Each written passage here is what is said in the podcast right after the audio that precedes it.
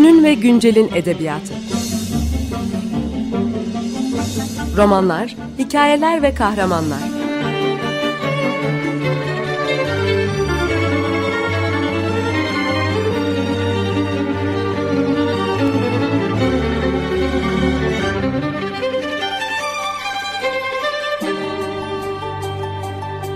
Hazırlayan ve sunan Seval Şahin.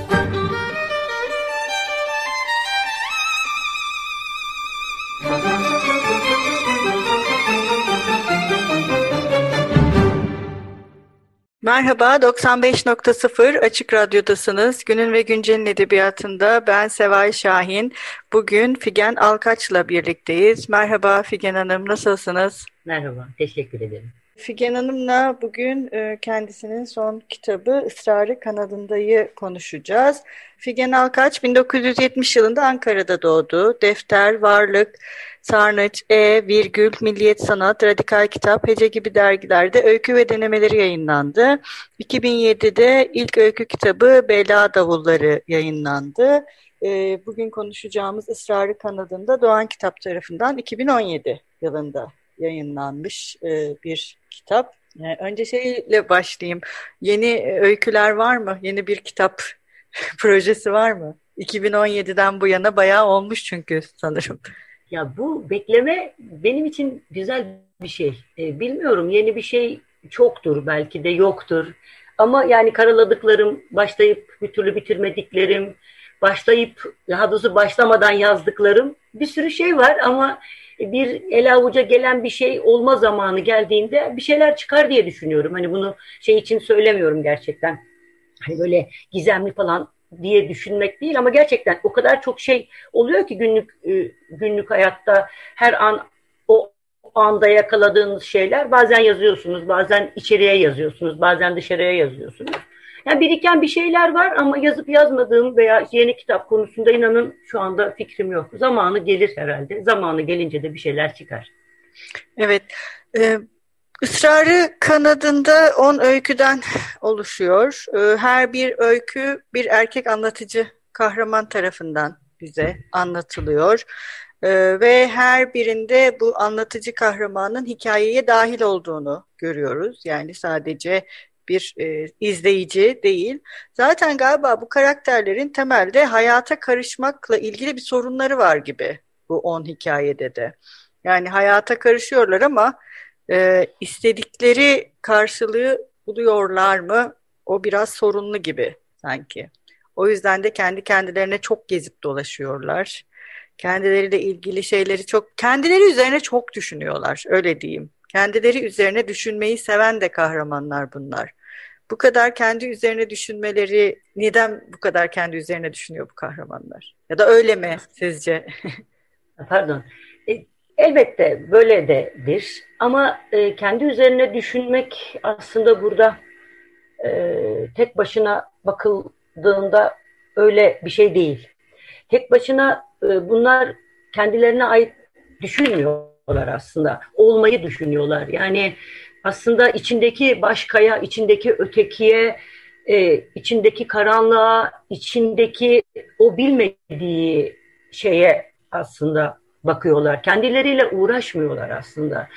Kendileriyle uğraşırken o dünya sancısının o e, o büyük e, ötekinin sahnesindeki yerinin arayışındalar aslında. Yani kendine bir yer edinme çabasındalar. Çünkü aslında yoklar. Ee, bunu şöyle bir şey gibi belki düşünebiliriz. Yani kendi temsilini aray arıyorlar aslında. Kendi temsilinin aslında yokluğuyla uğraşıyorlar. Bana göre bu kahramanlar. Yani cinsiyetleri de zaten başlarına bela. E, bu yüzden bedenle bakış arasında sürekli gezinen ve bu arada da sürekli içe bakmaktan başka yol bulamayan çünkü sürekli arayan karakterler.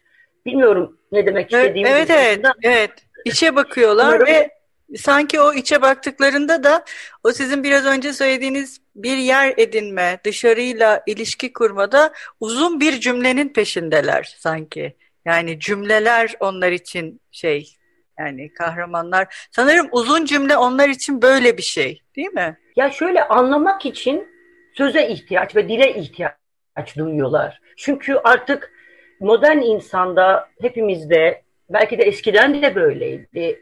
Yani söz artık anlamın taşıyıcısı mı gerçekten bilemiyorum. Söz anlamın taşıyıcısı değilse o anlam arayışında da sürekli bir çaba var. O zaman da başka türlüsünü bilmiyor kahraman. Ne yapıyor? Sürekli dile gelme, dile gelme, dile gelme. Sürekli konuşarak belki de susmaya varmak istiyor. Belki de e, onu da bilmiyor. Yani o kadar anlamak üzerine bir eylem ki bu.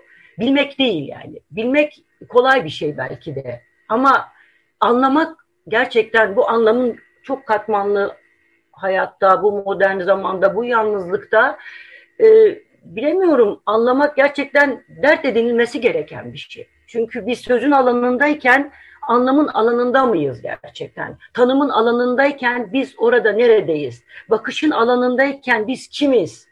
Ya belki de mimetik temsilimizi arıyoruz yani aynada. E bu tabii yeni değil. Ta Shakespeare zamanından beri böyle yani. Bu aynadaki belki de olmayanı arıyoruz. Belki de olanı beğenmiyoruz. Yerimiz yüz çizmek istiyoruz. Cümlelerle kotararak belki de olmayanı var etmeye çalışıyoruz. Bilemiyorum gerçekten. Hani e, çünkü bu kadar. Evet, olmayanı Evet olmayanı var etmek de bu hikayelerde önemli. E, çünkü aslında olan da var. Fakat bu olanın kabul görmemesi de var. Bu sadece kahraman tarafından değil, kahramanın içine doğduğu ortam tarafından da bir e, kabul edilmeme ya da kabul e, görmemeye e, sebep oluyor ve kendisini bununla düşünüyor. İşte burada dil, şive e, ya da daha önce e, bulunduğu mekanlarda kendisinden önce yaşamış insanlar, farklı kültürlerde, farklı dillerde, farklı dinlerde yaşayan insanlar, onların varlıklarıyla kendi varlığını hep bir arada düşünüyor aslında. Belki sizin dediğiniz temsil bununla bağlantılı bir şey mi? Ya da ben mesela kitabı okurken hani bu uzun cümle ben tek bir kısa cümleden ibaret değilim.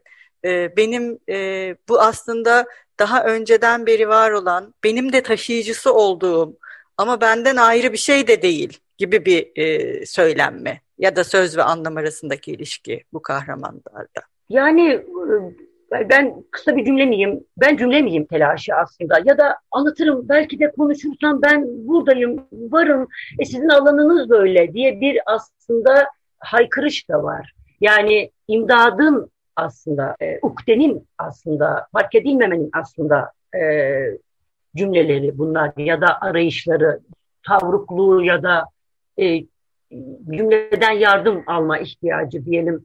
Çünkü bu şöyle bir durum, e, büyük e, sahnedeyiz, sözün sahnesindeyiz ve o sahnede e, sanırım Conti dünya sahnesinde hepimiz seyrediliriz der.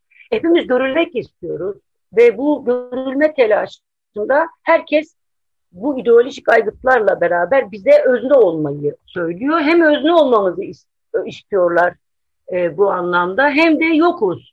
E, var olmak için bizim bir şey yapmamız lazım. E, bir şey ama burada şöyle bir durum da oluyor. Yani mesela kitaplarda, bela davullarında da, ısrar kanadında da nesneler, özneler hep birbirine karışıktır. Ve nesneler de vardır. Çünkü e, kulak kesildiğimiz dünyanın dışında başka bir dünya neden mümkün olmasın? Yani dile gelmeyen, sözsüz hafızanın zamanında da belki de çok şey vardı e, ki bundan eminim. E, kutsal kitap ışık olsun dedi, ışık olduğuyla başlar. Yani ışık zaten vardı ama ne yaptı dile geldi. Belki de o anda ışığı biz kaybettik. Bilemiyorum. Yani böyle bir açmazın içerisinde bu çaresizlikle hem ben öğretmenim çok iyi bir öğrenciyim diye bağıran zavallı bir çocuk hem de öğretmeni reddetmek isteyen aslında aşmasının belki de bu e, şeyleri yazımı bilemiyorum bu diye düşünüyorum şimdi sorunca. Evet isterseniz bir ara verelim şimdi ne çalalım ne istersiniz bugün? Ne çalalım ee, e, Benan var İranlı bir üstad onun Elahenaz şarkısını çalarsak güzel olur. Peki çalıyoruz. Merhaba, tekrar 95.0 Açık Radyo'dasınız. Günün ve Güncel'in edebiyatında ben Seval Şahin. Bugün program konuğumuz Figen Alkaç'la birlikte Israrı Kanadında kitabını konuşuyoruz. Programın ilk bölümünde e, kitaptaki 10 hikayede yer alan e, anlatıcı kahramanların e, genel özelliklerinden, onların varlıkla e, kurdukları ilişkilerinden, ilişkilerden, kendileriyle e, ve dünyayla söz ve anlam üzerinden e, kurdukları ilişkilerden bahsetmiştik. E, buradan şimdi biraz e, devam edeceğiz. Bu hikayelerde e, hep bir şey kayıp e, sanki. Yani bir tamamlanamama, bir tamlanamama durumu var gibi. E, bu durum böyle mi gerçekten? E, ve bu da ee, eğer öyleyse e, sizin birinci bölümde söylediğiniz e, söz ve anlamla, varlıkla ilgili bir durum mu? Böyledir belki de. E, kayıp, evet çünkü eksiklik duygusu bir kere yaşamımızda da en başından beri hep hissettiğimiz şey. Edebiyat da zaten bence Wilde böyle söyler. Gerçek gerçek olamayacak kadar gerçeklik ve hep bir eksiklik duygusudur der. E, eksiklik duygusu kayıp aynı zamanda ve bu telafisi mümkün olmayan bir kayıp. Yani biz aslında doğar doğmaz bir şeyi kaybettik. Belki sözün alanına bir şekilde fırlatıldık ve orada bir şeyi kaybettik. Belki de tam da orada hakikati kaybettik. E, çünkü e, artık gerçeğin alanına geçtik ve baştan kayıplı, baştan ayıplı bir varlık serüveni bu. E, bir de şöyle bir şey var yani e, hani içine doğduğumuz hem ideoloji, hem aile, hem hikaye hepsi zaten bizimle başlamayan, bizimle bitmeyen şeyler. E biz bizden önce başlayanın zaten tamamlayıcısı olarak mı oradayız? Kaybı olarak mı oradayız? Bir eksik miyiz biz? Bir ukde miyiz? Bunların hepsi döne, yani her an küçük bir su birikintisine baktığımızda bile insanın aklına gelen şeydir. Yani eydetik bir hafıza sanki burada kahramanlarda da yazarda da söz konusu. Yani fotoğraf hafıza o anda gördüğün şeyle bir parçanı daha tamamlamak, bir parçanı daha tamamlamak ve hep bir şey yapmak zorunda olmak. Ve kay, kayıp şöyle bir şey bence. Yani tam e, bilmiyorum ama hı hı. E, yani kayıp sürekli bizim aramak zorunda olduğumuz o şey. Zaten sonu da olmayacak o şey. Asla bulamayacağımız o şey. E, kayıp belki de böyle bir şeydir yani.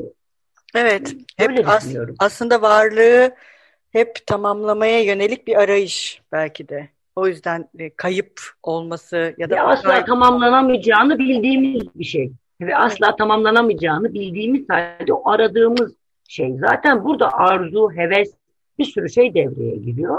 Zaten biraz da hayatta kalabilme, tutunabilme imkanı da belki de bu yüzden fırsat veriyoruz diye düşünüyorum.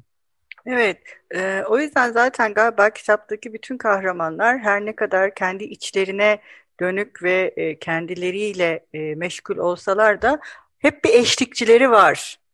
Ya bedensel olarak varlar ya da onların kafalarında varlar. Bu eşlikçilik de e, sanırım tamamlanmakla ilgili ya da tamlanmaktaki bu arayışla ilgili bir şey mi? Seval Hanım gerçekten bu eşlik kelimesi dün akşam sakın bunu söylemeyi unutmayayım dediğim bir kelime. İnanın mübalağa etmiyorum.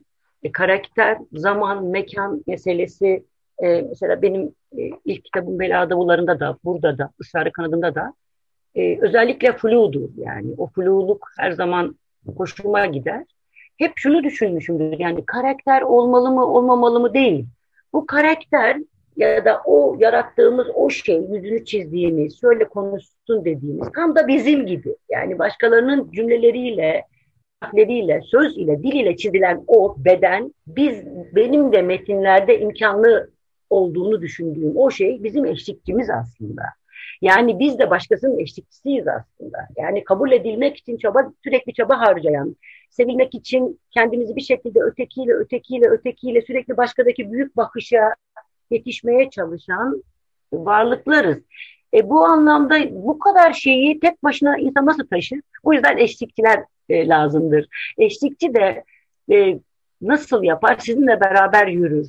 bazen sizin söylemek istemediğiniz, o büyük ötekinin duyarsa acaba ne düşünür diye korktuğu cümleyi belki de o eşlikçi şöyle bir tirat havasında savuru verir. E, bu anlamda karakter e, ve e, kahraman demekten ziyade ben metindeki o e, yüzleri, o gövdeleri, o bedenleri hep eşlikçi olarak düşünmekten yanayım. Eşlikçi yani bizim yanımızda olan ve bize her zaman e, bizi yalnız bırakmayacak olan yani. Çünkü onun ötekinin aynasında görünme, kabul edilme derdi yok. Bu yüzden onlara benim ihtiyacım var en azından.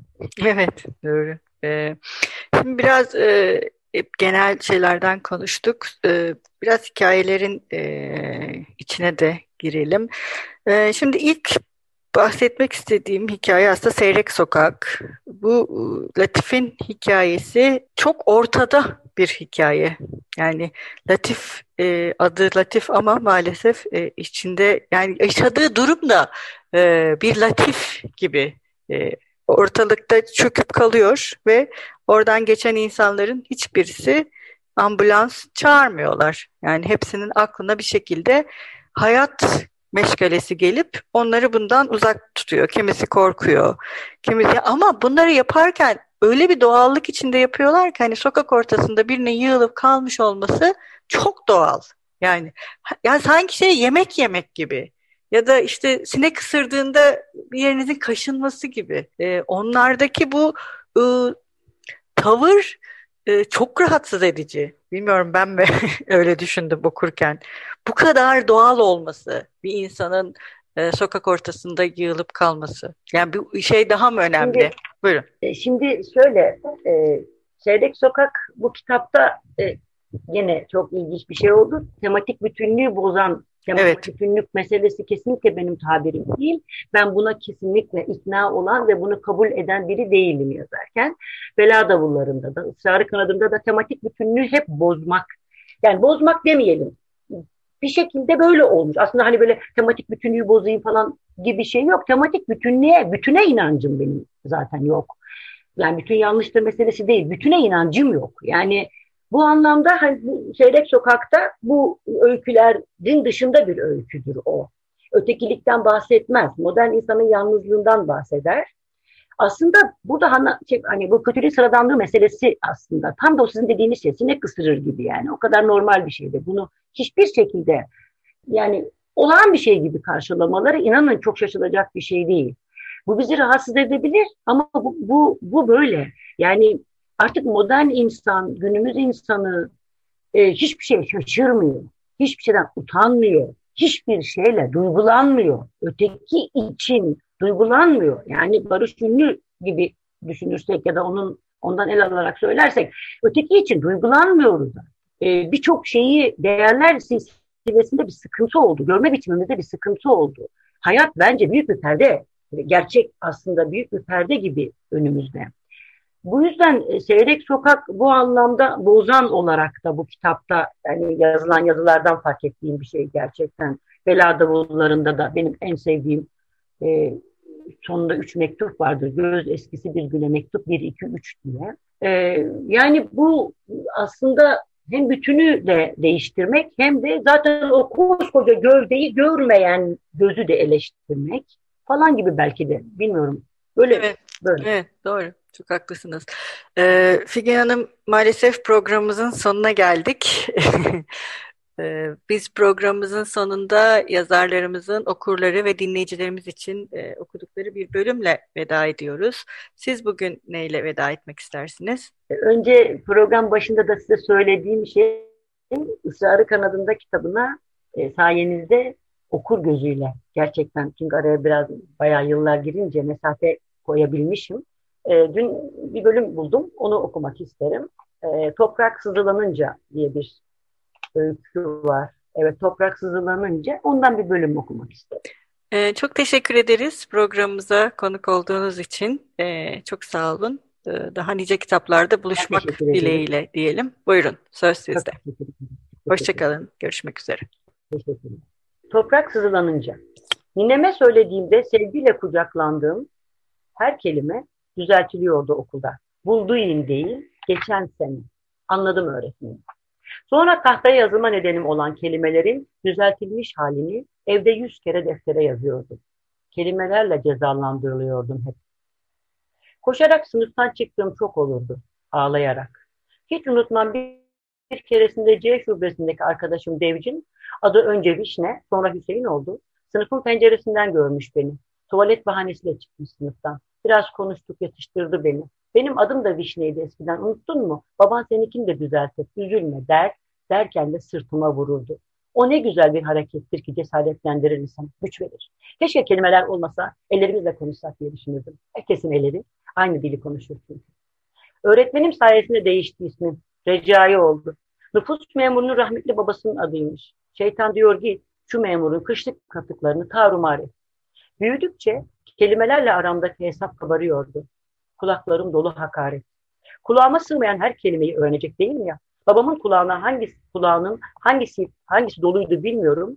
Bir akşam eve gelip bundan sonra soran olursa muhtilazız anlaşıldı mı dedi. Onu der demez de kendi dilinde duaya başladı. Annem tuttu hemen duaları. Duaymış, yere düşerse günah olurmuş. Öyle dedi. Eline bir yazma aldı. Başladı okumaya. Dua bitince elindeki yazmayı güzelce toplayıp avucuna sakladı. Arka odaya gidince peşinden gitti. Başımı sevdi ve göğsümün dört tarafına sürdü yazmayı. Annemden duayı bir kağıda yazmasını istedim. Saklarım hala. Korktuğumda lazım oluyor. Ninem öbür dünyaya göçeli sadece bana değil toprağa da bir haller oldu. Çekildi gittikçe içime. Sızılandı. Karardı sonra. Yağmuru sevmez oldu. Ya derelere ne demeli? Dereler diyorum. Nicedir birbirlerinin elinden tutup denize inmiyor. Oynamak için yanına gelen çocukları tersliyorlar. Küfür de ediyorlarmış arada. Kendi dillerinde. İşte o küfürler zamanla taşıp inmiş aşağı. Köylere inmiş. Kasabalara. Gelip meydanlarda birikmiş. İlk kim kahveci süpürmüş onları. Bakkalın önüne doğru. O da hızla alıp manava yollamış. Çocuklar tekme tokat dereye sürmüş yeniden o küfürleri. Terliklere, bacaklara tırmanıp kurtulanlar evlere doluşmuş telaşla. Kim yüzünü bir kelimeye dönse ötekine küfreder olmuş. Teşekkür ederim. Günün ve güncelin edebiyatı. Romanlar, hikayeler ve kahramanlar.